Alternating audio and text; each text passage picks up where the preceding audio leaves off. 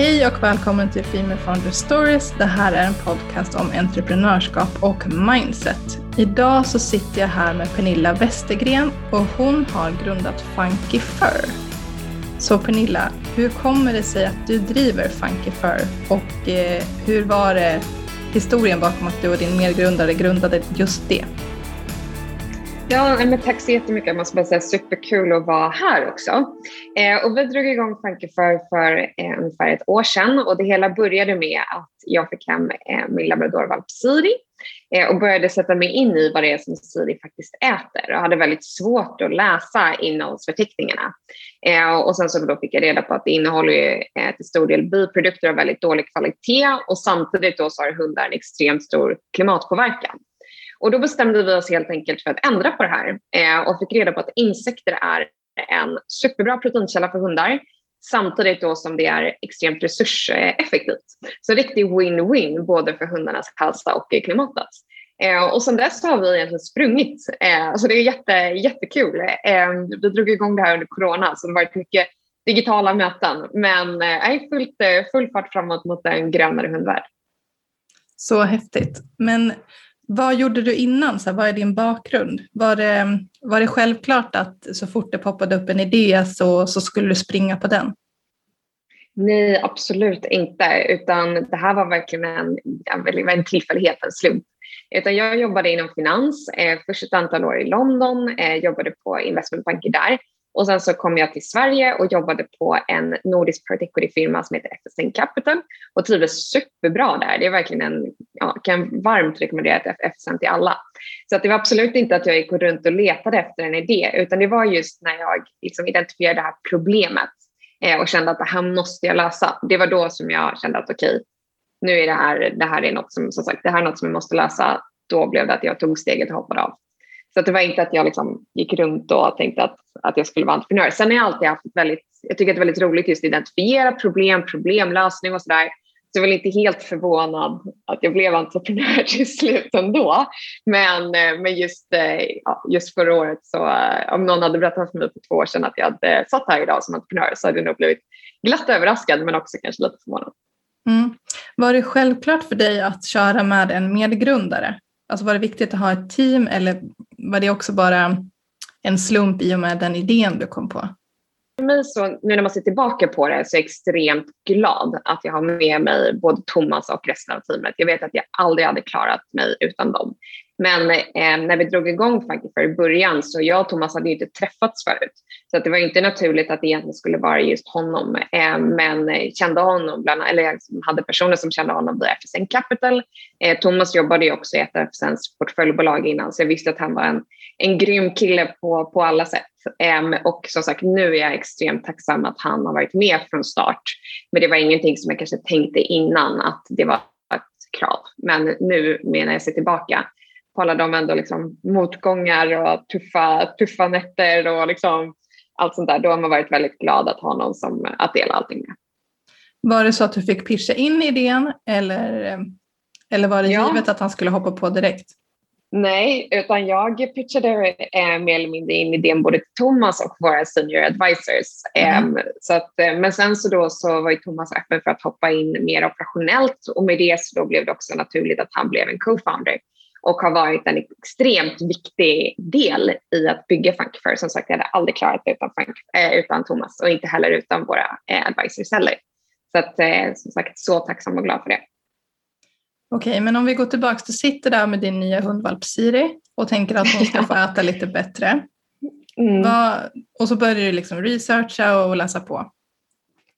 Det är ett ganska stort steg från att läsa på om innehållsingredienser till att komma på vart man ens hittar de här insekterna. Mm. Alltså utan att avslöja så konkreta affärshemligheter, hur tar man sig an ett sånt ganska abstrakt jobb? Det inte finns inte jättemånga ja. så här äh, byråer som hjälper en leta insekter kan jag tänka mig. Nej, Nej det, så, är det, så är det absolut. Eh, men eh, började liksom läsa på om insektsindustrin, aktörerna, pratade med väldigt många olika aktörer och insektsfarmar eh, och även då olika aktörer och producenter inom hundmatsvärlden. Och då mm. blev det ett pussel eh, som vi fick lägga helt enkelt. Och nu så har vi, är vi extremt glada över de partnersarna som vi jobbar med idag. alla har extremt höga krav på när det kommer till kvalitet och, eh, och forskning och så vidare. Så vi känner oss väldigt trygga. Och för oss är det, det är det vi bygger hela Funkyverse grund på. Just att vi vet att produkterna har så hög kvalitet. Så att eh, för oss att just identifiera de här starka parterna var en väldigt, väldigt viktig del av det. Vi kunde inte kompromissa någonting där. Men, eh, men i början så var det, det var att vi fick pitcha in oss eh, till dem också, varför de skulle jobba med, med oss. Så, att, så det var lite omvända, lite om, man är inte så van vid den situationen kanske, just när man kommer från det är liksom många kanske mer erkända namn, så där, jobbat på investmentbank och sen FSN. Det var en betydligt enklare pitch att göra när man satt på de stolarna än när man satt som ett, eh, skulle starta ett bolag och varför de skulle välja att jobba med oss. Men superglad att de gjorde det. Mm. Jag tänker när, när du var igång och eh, skulle köra igång med företaget, kändes det läskigt att lämna en anställning? Eh, alltså för att ta liksom den form av trygghet som det kan ge och sen ta steget till dels en helt ny typ av produkt, tänker jag mig att det är, och ganska outforskad bransch och också det att vara entreprenör. Absolut, det var jätteläskigt. Eh, men där hade jag också en väldigt öppen och ärlig dialog med ehm, det FSN där jag jobbade tidigare och sa just att jag trivs extremt bra här, men jag också identifierade ett problem som jag verkligen måste lösa. Jag måste bara se om det här funkar. Mm. Eh, och då var de jätteschyssta mot mig, så jag fick vara kvar en stund på FSN men gå ner i tid samtidigt som jag började utveckla produkten. Och sen så när jag kände att nej, men nu kommer vi ha en produkt som jag verkligen tror på, det här känns riktigt, riktigt bra. Då var jag tvungen att ta steget. För det är såklart väldigt svårt att göra två jobb bra ehm, hundraprocentigt eh, samtidigt. Mm. Eh, men så det, det kändes jätte, då blev det, väldigt, då blev det lite mindre risk, men även då så, så var det jätte, jätteläskigt såklart. Mm. Men också väldigt glad att jag vågade ta steget, för jag har lärt mig så extremt mycket under det här året. Så det är jag väldigt tacksam för och igen så tacksam för det stödet som jag fick där i början. Att jag just kunde våga börja utveckla produkten utan att jag kände att jag liksom gick bakom ryggen på, på min nuvarande arbetsgivare. Eh, men sen så samtidigt då att när jag vet att produkten, eller när produkten kändes riktigt, riktigt bra, att jag då kunde ta steget. Så det är verkligen någonting som jag skulle vilja rekommendera andra att göra också. Att man kanske inte behöver göra det så extremt, att från en dag till en annan om du har en idé, liksom gå och säga upp dig dagen efter utan att ha en bra eh, och öppen dialog med sin arbetsgivare. Det är verkligen något som, som jag rekommenderar alla att ha. Mm, det är intressant för det har faktiskt kommit upp i flera intervjuer som jag haft liksom, det senaste året att man, man förflyttar sig lite från det här att man måste kastas ut direkt. Mm. Till att faktiskt här, det går att ha någonting på sidan av och bygga upp det och, och sen så kan man kliva på liksom, eh, heltid. Ja, och jag tror att det, för mig så gav det väldigt mycket grundtrygghet. Att jag också kände att jag inte behövde ta några beslut som var förhastade eller som kanske inte var för Funky Furs långsiktiga bästa. Utan att jag hela tiden kunde tänka, okej, okay, är det här faktiskt en bra produkt? Känns det här faktiskt bra? Ja, det här känns superbra. Då vågade jag hoppa av. Men jag tror att hade jag, eh, hade jag varit, eh, hade jag redan hoppat av tidigare så hade jag varit mycket mer pressad och det kanske hade lett till liksom sämre sämre beslut helt enkelt för att man då hade tagit förhastade, förhastade beslut. Så mm. det, känns, det kändes väldigt bra.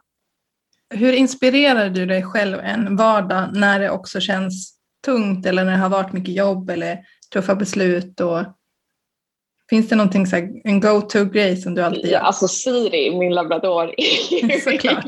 mitt lilla glädjepiller. Eh, jag hade aldrig klarat, klarat utan henne. Eh, och familj och vänner och sen så också bara att vara ute i naturen. Eh, och där är det, Siri har betytt extremt mycket för mig. Både just såklart att det är tack vare henne som, som Funky finns idag. Men sen så också det här att du måste ut varje dag och röra på dig. Och det är verkligen någonting som har gjort oss ut att när man sitter ibland ingrottad i sina tankar, man är jättestressad. Att bara gå en promenad med Siri i skogen och få lite frisk luft, få ett annat perspektiv eller ibland bara sitta och så här, leka med en pinne i, på en skogsbacke med Siri och få tänka på något helt annat. Det har mm. varit väldigt, väldigt befriande och eh, faktiskt tagit mig framåt väldigt många gånger när det har känts lite inlåst. Så, så att, eh, så ska, så ska, ja, sen ska jag inte rekommendera till alla att köpa hund om man inte om man inte vill ha hund. Det är ju precis som att starta företag, det är väldigt mycket jobb. Men tycker man att det är kul eh, så kan jag varmt rekommendera. Det är, ja, det är ett riktigt litet, ett riktigt litet glädjepiller. Det var till och med en, en person som jag pratade med som sa det att alla hundar är terapihundar. Det är bara att vissa hundar är utbildade terapihundar. Mm. Jag tycker att det stämmer väldigt bra överens. Så att, eh, jag är väldigt, väldigt glad att Siri vid din sida. Så bra tips. Um, du sa tidigare att, du, att det kanske alltid fanns en, en känsla av att du skulle bli entreprenör för att du gillar att lösa problem. Um, tror, du, tror du att det alltid varit så sedan du var barn? Alltså kan du känna igen vissa mönster redan därifrån, att det fanns entreprenöriella gener i dig? Även när du lekte? Ja, absolut. Verkligen. Och det kommer, jag tror att det kommer från min farfar faktiskt. Min farfar var uppfinnare. Eh, så att jag kommer ihåg att jag fick faktiskt en perm av honom med massa olika uppfinningar. Jag känner att jag borde gå tillbaka och kolla där om det finns någonting som man kan sätta liv i igen. Bland annat faktiskt, han älskade också hundar, så bland annat ett sätt att plocka upp hundbajs på utan att använda den här påsen. Så jag får kolla om det är något som jag ska ta tag i igen. Nej, men så jag har alltid, alltid älskat att liksom lösa problem och sådär. Det var också eh, ett annat exempel var när jag skulle spelade tennis när jag var liten, eh, körde genom en skog då med pappa, det var extremt mörkt eh, och pappa hade väldigt svårt att se alla cyklister som inte hade reflexer. Så då skickade jag in då ett, liksom ett lagförslag att alla måste ha eh, reflexer på sig under hösten, för annars kan ju pappa köra på, köra på alla de här när fick inget svar, men, eh, men det är väl också kanske lite en indikation på att äh, men det finns ett problem så, så måste man lösa det. Mm. Som en, en liten fixare helt enkelt. ja, kanske. kanske. Jag tycker också att ordet uppfinnare skulle behöva få en, en återupplivning. Ja, verkligen. Så underskattat ord. Ja, verkligen. Jag, jag tänkte på det när du sa det. Bara, ja, uppfinnare, det var länge sedan man hörde men det förklaras så mycket. ja. ja, verkligen. Men vad tror du att det, dina drivkrafter kommer ifrån? Är det från din farfar tror du?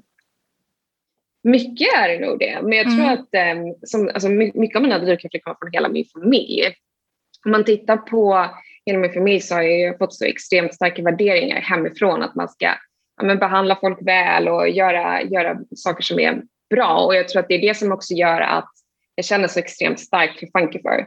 För dels är det ju är såklart att vi löser hundarnas hälsoproblem, men sen också det här att vi faktiskt har eh, möjlighet att påverka klimatfrågan. Mm. Eh, så det känns extremt viktigt. Eh, så jag känner att jag är verkligen på ett, på ett mission. Eh, det känns så, så viktigt för mig att vi ska lyckas med Funky för att, jag, för att jag vet att vi kan ha så positiv påverkan på både hundarnas hälsa men också miljön. Så, att, nej, men så jag har absolut min familj att tacka för, för allting, verkligen. Känner du att du har fått offra någonting för att kunna skapa Funky för? Ja, men det är klart att det är extremt tufft jobb.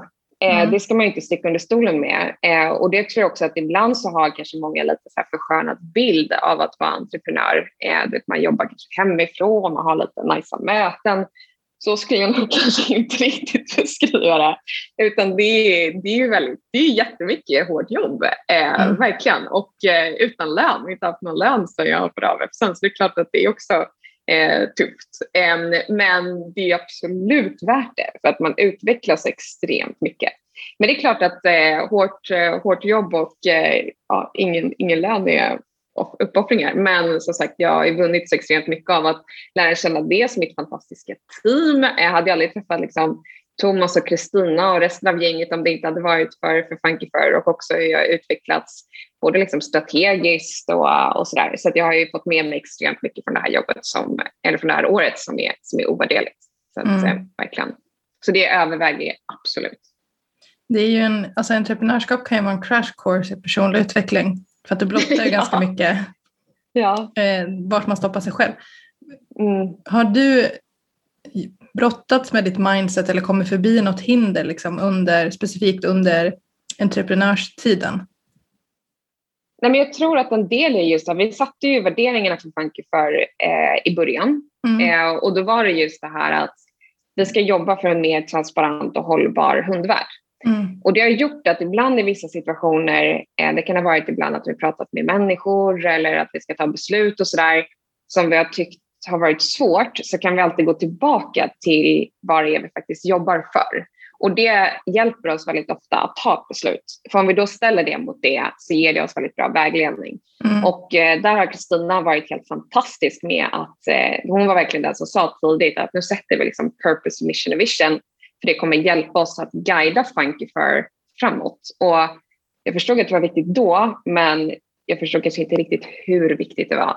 Men det är någonting som jag verkligen kan rekommendera till andra som sätter ett bolag också. Just för att ge sig själv en liten kompass. Att mm. Vad säger våra värderingar i den här situationen? Var, hur bör vi agera? För då blir det ofta ganska mycket, ganska mycket tydligare. Bra tips. Ehm, jag tänker lite på målet när du först startade versus nu när det har gått ett litet tag. Har det ändrats någonting längs vägen för att man har lärt sig mer eller ändrat, ja, men svängt av lite? Eller är det så att de där äh, mission och vision som du pratar om fortfarande styr samma väg som du stakade ut från dag ett? Ja, de är, de är kvar äh, och är minst lika starka nu. Sen är det klart att vi sätter olika ähm, strategiska prioriteringar under vägen och vad vi ska fokusera på och hur vi ska fokusera. Och det är klart att det har förändrats lite allt eftersom vi har ähm, lärt oss mer om marknaden och vad som fungerar och sådär. Så så har det varit absolut, men liksom över den, över, ja, den stora bilden, den har inte förändrats någonting, utan det är just att vi vill att alla hundar ska få den absolut bästa maten och samtidigt då att man kan reducera deras klimatavtryck. Så det, det ligger kvar, så det är en väldigt stark, och det är så himla skönt. Det är just därför som jag kan rekommendera till andra att sätta just den här eh, purpose, vision, mission, eh, mission och vision. För det är just den här ledstjärnan, eh, vilket har hjälpt oss jättemycket. Mm. Det är ja, supertips. Det känns verkligen som att du, eller du och ni har kunnat luta er mot, mot det. Liksom. Mm, verkligen. Jag funderar lite på, det finns en viss bild av hur entreprenörer är och ja, men som du sa att man kan jobba hemma hela tiden och ta några möten och sen är det klart. Liksom. Finns det någonting alltså utifrån ett personligt plan som du tänkte så här, så här, kommer, så här kommer det vara, så här blir min roll som entreprenör och så kanske det visar sig att nej, men så här var det inte alls det. Men jag tror att någonting som jag underskattade var hur extremt mycket olika grejer det är som behöver fixas. Mm. Det är alltid från nu i början så här, designa stickers till att betala räkningar till att göra, anmäla olika grejer till Jordbruksverket och det är massa små grejer som jag absolut inte kunde tänka på i, i början. Så det, och det tar väldigt mycket tid. Så det är väl, det är väl den stora aha-upplevelsen. Men, men annars så um, Nej, men jag, tror att det, jag tror att det är det och just att det, det finns alltid någonting att göra. Eh, det har jag verkligen, verkligen lärt mig. Men sen så är det också att vi, vi vill ju springa extremt fort. Eh, vi vill ju ha en, en, stor påverkan snabbt. Så med det så är det klart att vi jobbar extremt hårt också eh, för att kunna nå dit eh, så fort som möjligt. Vad är du mest stolt över hittills med Funkifar och din, och din roll där? jag måste verkligen säga teamet. Jag är så extremt stolt över teamet och alla de som har velat joina Funkyfar. Det känner jag mig så jättetacksam för. Eh, det är verkligen personer som jag har extremt mycket respekt för, extremt duktiga och just det verkligen bra och schyssta människor. Och att alla de vill liksom joina liksom lilla Funkyfire som drog igång för ett år sedan. Det känns, eh, det känns helt fantastiskt. Så jag måste säga att det är det som jag verkligen är mest stolt över. Verkligen. Fanns det här teamet i ditt nätverk sedan innan eller har du fått leta upp det längs vägen? Det är både, både och faktiskt. Um, så att, um, många är faktiskt personer som jag kände, kände lite innan. Uh, om man ser till exempel Kristina så var ju hon, eh, hon var ju dels varit då, eh, VD på många stora internationella bolag, bland annat ett av FSN portföljbolag. Mm. Eh, och Thomas fanns ju också liksom, eh, han jobbade också på ett av FSNs portföljbolag, eh, så de hade, visste i alla fall vilka de var tack vare FSN. Eh, Caroline som är CXO, hon är faktiskt min syster, så henne kände jag ju minst sagt sedan mm. innan. Mm. och Ragnar och jag pluggade tillsammans på Handels och ja, gjorde olika eh, inte uppsatser men olika uppgifter och sådär tillsammans då. Eh, så att de personerna hade jag liksom koll på. Men alla de andra, och liksom ett, en person i veterinärteamet också. Men de andra personerna är ju faktiskt nya personer eh, som man på olika sätt har kommit i kontakt med. Så, att, så det är lite blandat. Eh, men just den här, vi är väldigt eh, noga med just vilka vi tar in på, eh, vilka värderingar de personerna har. Eh, och vi ser hellre att det är en person som har extremt mycket hunger och extremt starka värderingar än en person som kommer med extremt mycket erfarenhet. Det är betydligt viktigare för oss. Mm. Eh, om det inte är veterinärteamet såklart, då krävs det en annan typ av erfarenhet som man kanske inte bara kan lära sig as you go. Liksom. Men eh, när det kommer till de andra rollerna så ser vi verkligen att eh, då är det verkligen värderingar och driv som är det vi letar efter. Måste man ha hund för att jobba på Funkifer? Eller Nej, det, det om man, man inte, gillar men... att klappa Siri? ja, det hjälper om man gillar att klappa Siri. Men är man inte en hundmänniska eller djurmänniska då tror jag att det blir svårt att på Funkifer.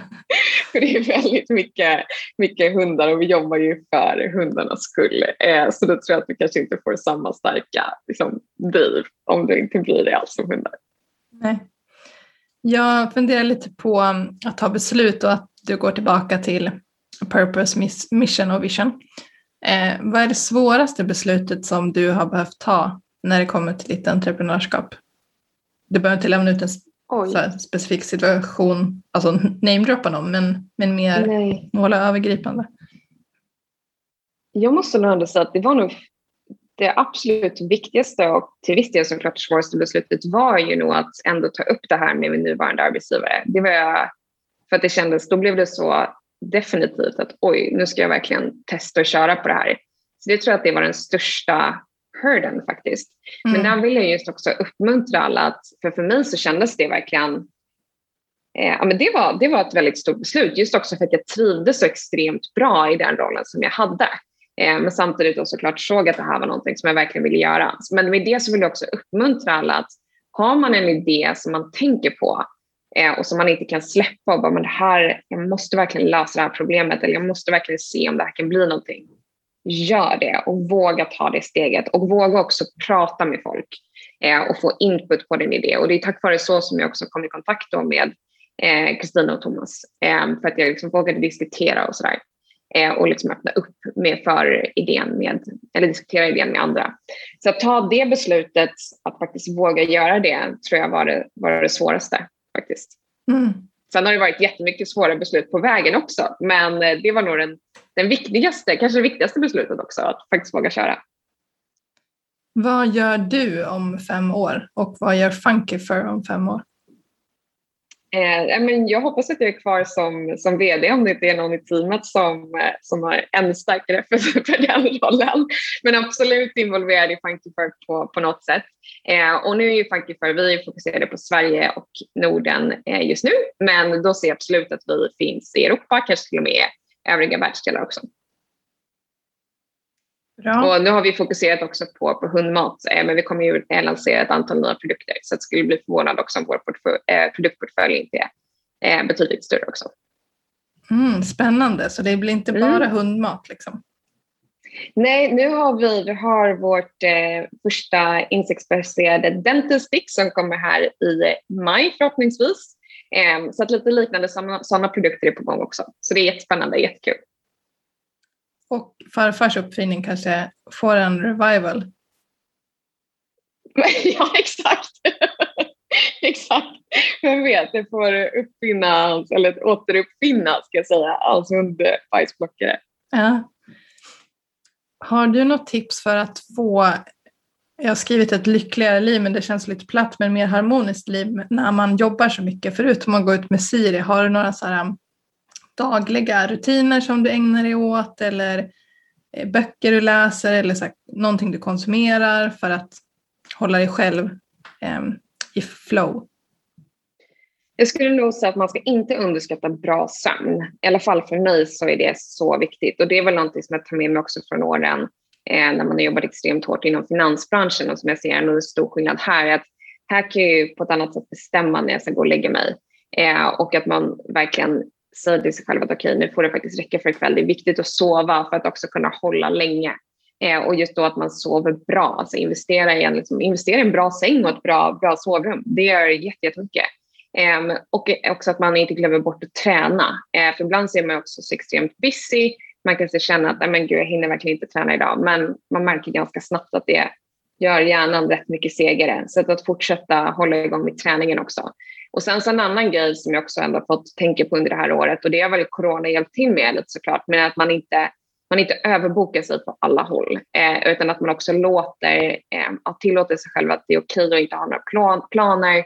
Det är okej att inte vara fullbokat hela tiden utan att tillåta sig själv att vila och bara göra ingenting. för att man också då ska kunna återhämta sig, just för att man ska kunna fortsätta eh, springa länge. Eh, så att man inte bränner sig i alla ändar och man tror att man ska vara den bästa liksom, kompisen, den bästa entreprenören, den bästa flickvännen och ja, bränner sig i alla ändar helt enkelt. Så att, mm. att försöka ha lite rimliga krav på sig där tror jag kan hjälpa. Så dumpa den här duktiga flickan-syndromet? Liksom. Ja, verkligen. verkligen.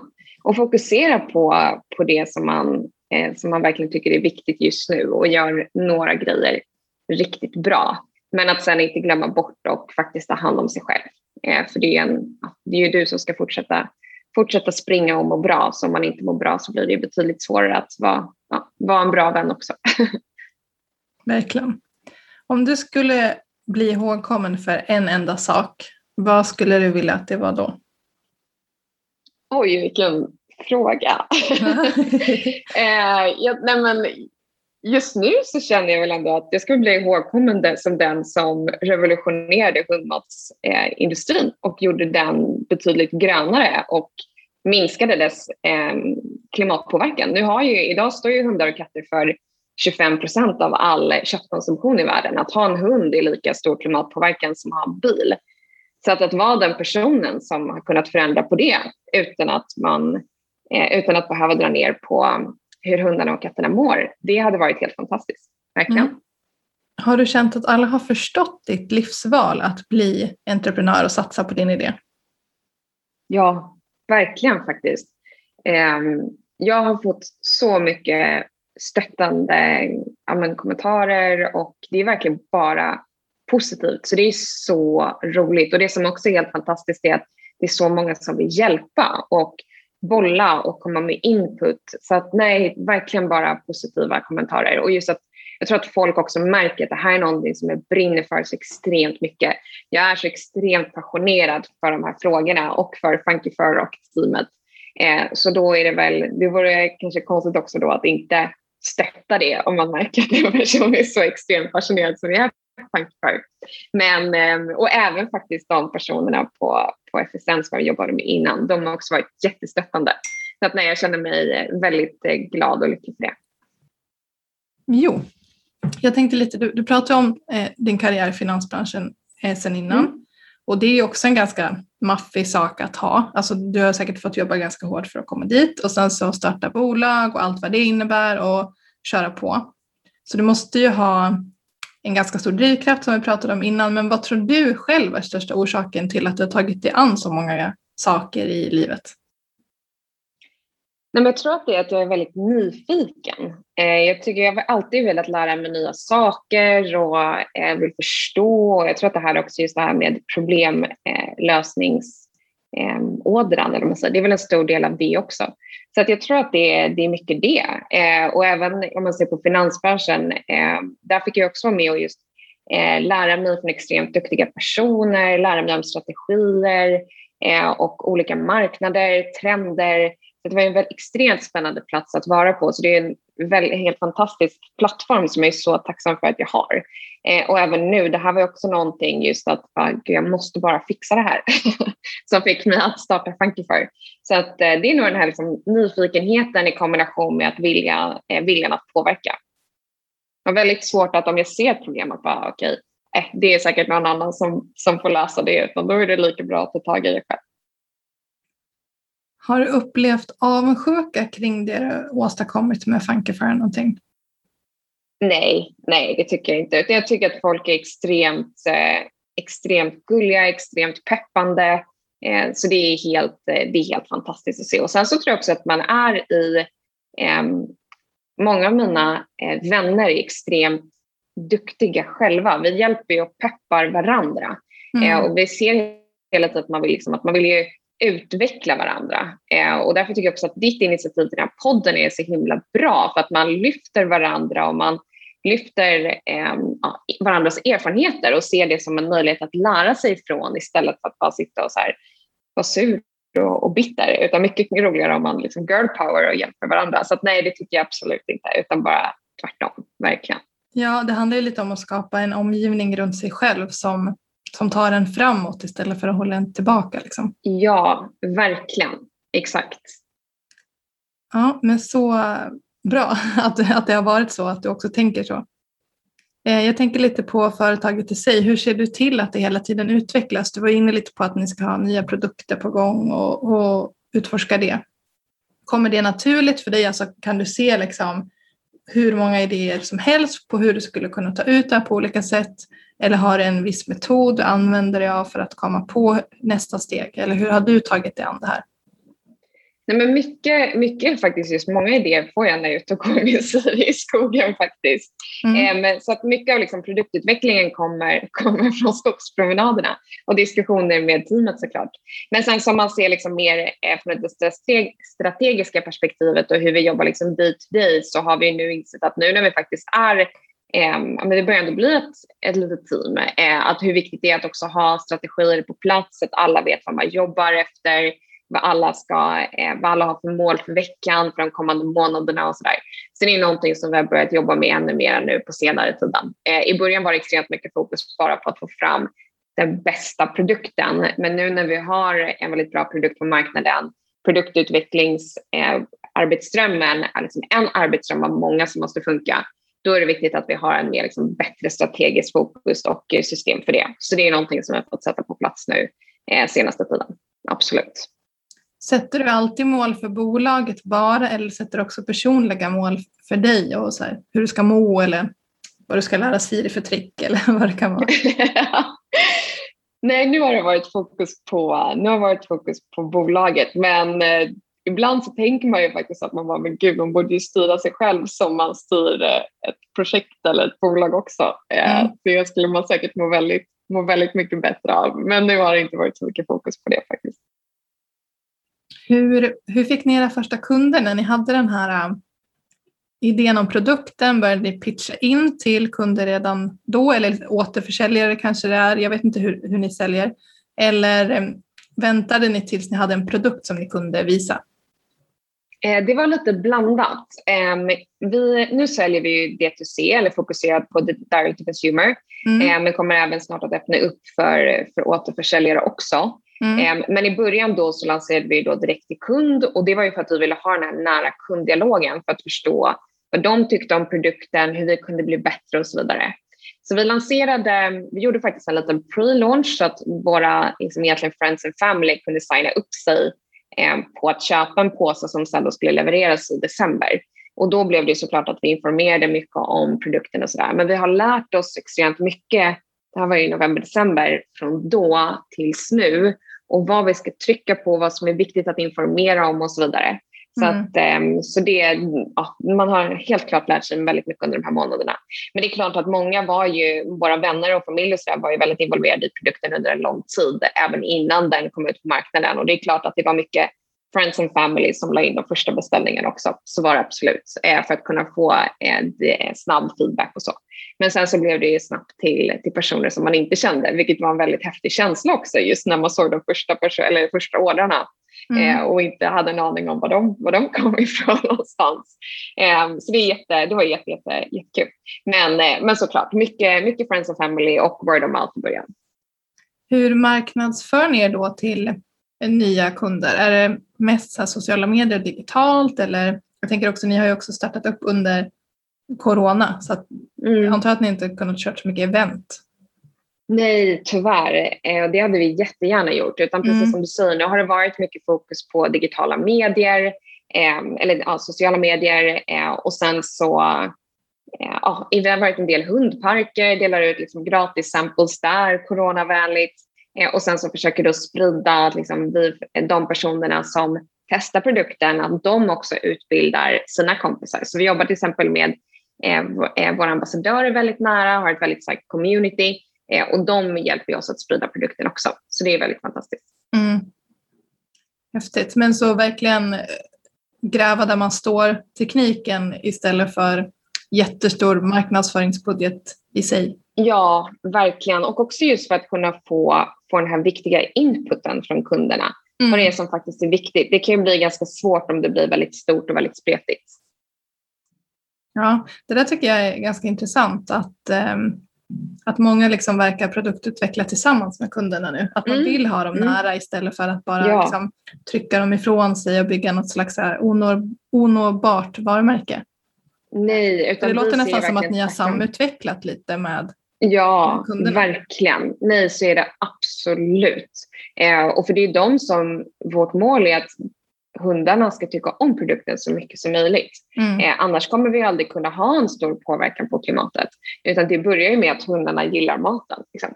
Eh, så att det är därför det är väldigt, väldigt viktigt att vi jobbar nära eh, våra kunder så att vi just kan utveckla produkter och sådär tillsammans med dem. Mm. Vad är det främsta som du har lärt dig under din resa som entreprenör? Men jag tror att det är att man inte ska fokusera på hinder utan bara försöka istället hitta just lösningarna, hur man kommer runt dem. Um, och det var faktiskt ett råd som jag också fick i början när jag var just bara så här, mm, det här kommer säkert bli jätte, jättekul och hinder och sådär. Att verkligen försöka hålla kvar den mindseten för då, då fixar man det på något mm. sätt. Det kan kännas liksom riktigt svart och mörkt ibland. Um, men att man får, bara, man får bara kämpa på och hitta lösningar. Sen kanske alla lösningar kanske inte är perfekta. Men så länge som du får bolaget framåt och så länge som det är i linje med purpose, mission och vision så får det vara kanske good enough ibland. Eh, så att fortsätta kämpa och sen så vikten, det borde jag egentligen sagt som nummer ett, vikten av ett riktigt bra team. Eh, mm. För det hade aldrig gått utan det fantastiska teamet på Funkyfur. De är helt magiska och de jobbar så extremt hårt och är så duktiga. Så, att, eh, så det är det, ja, att inte underskatta kraften från teamet. Det är nog det absolut viktigaste jag lärt mig. Jag är lite nyfiken på det här, mer på det här med att bygga team. Mm. Hur, du fick ju pitcha in idén och så där, och du sa att du har inte kunnat ta ut någon lön för du kör ju all in på bolaget. Pitchar man in det på samma sätt med teamet, att de får en del av bolaget och också jobbar gratis eller har, man kunnat, har du kunnat anställt någon i teamet istället och eh, dragit in din egen lön på grund av det? Liksom? Eller hur, hur jobbar man med team setup när man just är så nystartad? Liksom? Nej, men så här, vi har ju inte möjlighet att ge några skyhöga löner såklart, utan fokus är ju dels på att man får en väldigt bra erfarenhet av att med, vara med eh, och bygga ett bolag från scratch och verkligen ha liksom en ledande roll inom det. Vi hoppas att Funkyfur ska bli extremt stora och att då få vara med på den resan. Mm. Det är någonting som motiverar väldigt många. Men sen så vill vi också att personer som är heltidsanställda, att de har eh, incitament, eh, ekonomiska incitament. För att alla ska känna att det här är mitt bolag. Alla ska tänka liksom som ägare. Så det är någonting som vi verkligen eh, fokuserar på också. Eh, och med det också så då kan det ju ta lite, ta lite lägre lön såklart. Mm. Ehm, så att, att alla ska känna att det här är, det är liksom lika mycket mitt Funkyfur som något annat Funkyfur, eller som någon annans bolag. Eh, och att också samtidigt få vara med och utvecklas eh, erfarenhetsmässigt och kunskapsmässigt. Det skulle mm. jag säga har varit eh, två, två eh, viktiga faktorer att locka till sig personer. Bra tips. Det är inte jättemånga som har byggt team så där i början som du har gjort så jag tycker det var viktigt att ha med det. Eftersom att du, eller det känns som att det har varit en ganska viktig framgångsfaktor för dig. Ja, det har varit jätteviktigt. Nej, mm. verkligen. Eh, så att, och just att prioritera bra personer, att verkligen våga ta in bra personer. Eh, det, är jätte, ja, det är mitt bästa tips. Finns det någonting som du skulle ha ogjort i din entreprenörskapsresa och i så fall vad skulle det vara? Någonting du kanske fokuserade på i början som inte var viktigt eller? Bra fråga. Um, jag ser ändå att det är klart att vissa grejer, nu när jag vet hur jag borde ha gjort dem, så hade vi kunnat komma ännu snabbare framåt. Mm. Eh, men det är klart också att de, det är klart att ibland så har man kanske lagt, lagt pengar på någonting som inte, inte lönade sig. Vi registrerade till exempel olika domännamn som vi inte använder och pengar är själv. Liksom. Mm. Men å andra sidan så har vi lärt oss mycket av det också. Eh, och det är någonting som vi också har som liksom byggstenar om man säger, i vår kultur att det är helt okej okay att göra misstag. Men det är inte okej okay att göra misstag, samma misstag två gånger. Eh, utan det är bra att göra misstag för då lär man sig. Men så jag skulle väl inte vilja ha, ha dem ogjorda. Det är ingenting som har varit, eh, inget katastrofalt i alla fall. Så det är väldigt skönt. Eh, så att, jag kan tyvärr inte ge något extra, eller väldigt konkret tips där. Men att, och också att inte, det tycker jag är lite så här, kanske lite svensk mentalitet också, just det här att man ser på misstag som ett failure. Mm. Eh, att man, jag tycker istället att man ska se på misstag just som en möjlighet att lära sig eh, och veta hur man inte ska göra framöver. Mm. Eh, och jag tycker också att det är väldigt viktigt att man, ja, man är öppen och delar med sig om det. Det har, försöker vi ha i teamet. Att, till exempel om det är någon som har gjort en kampanj som inte har varit lyckad, att man ändå berättar om den och att man inte så här, inte vill nämna den för att man då känner att man kanske inte levererar det, utan det är just den kampanjen som du ska berätta om, för då kan övriga team members också lära sig från det, så att inte de gör samma misstag. Mm. Bra tips, så mer fail forward. Eh, ja, verkligen. Liksom. Exakt. Mm. Det, jag tycker det är viktigt att du lyfter det, för att jag tror att det är många som eh, kanske har en idé och sen så vågar man inte ens gå på den för att man mm. är så mm. rädd för att misslyckas. Men eh, det blir bara som att misslyckas fem gånger så kanske du lyckas på sjätte. Liksom. Ja, verkligen. Och så känner jag ju nu med Funkyfair också. Eh, nu hoppas jag ju verkligen att vi ska få fortsätta vår resa. Men om vi inte skulle få göra det så har jag ju lärt mig extremt mycket och då lär jag mig säkert ännu mer av den anledningen som gör att vår resa inte fortsätter. Mm. Så att det, jag tycker att det är den inställningen man ska ha. Hur ser en vanlig dag ut för Pernilla på Funkyfair? det, varierar, det varierar ganska mycket men nu är det eh, ja, men, och ofta liksom dialoger med eh, producenter, med teamet, eh, planering, eh, kan vara ute och sampla. Det är verkligen, verkligen högt, och, högt och lågt. Nu har vi äntligen fått vårt första lilla kontor. Eh, det är lite tajt att sitta där alla än, för det är fortfarande väldigt litet, men eh, kanske där förbi där en sväng. Eh, sen försöker jag också, det är det som är tråkigt nu, men att ändå försöka träffa personer i, eh, ja, i branschen som man också kan få input eller personer som har gjort liknande resor. Mm. Så att eh, en digital kaffe med en inspirerande person hade jag gärna fått in varje dag också. Men det kan vara svårt att få in varje dag. Men eh, det är någonting som jag eh, uppskattar väldigt mycket just för att kunna lära mig av andras erfarenheter. Men eh, vad bra. Tack så hemskt mycket Pernilla för att du har varit med i min podd. Det var alla frågor som jag hade. Och kan inte du bara berätta, så här, om man är nyfiken på Funkyfair, vad kan man läsa mer? Var kan man hitta er? Var kan man följa er och sådär? Jo, absolut. Då får man jättegärna gå in på vår hemsida www.funkyfur.com eh, och Funkyfur kommer då från engelskans Functional Food for Furry Friends, så vi stavar det med C och I. Mm. Eh, och man kan även följa oss på Instagram och Facebook och LinkedIn och då heter vi Funkyfur. Tack så hemskt mycket för att du var med i min podcast. Ja, men tack så jättemycket att jag fick komma. Det var verkligen jätte, jättetrevligt samtal.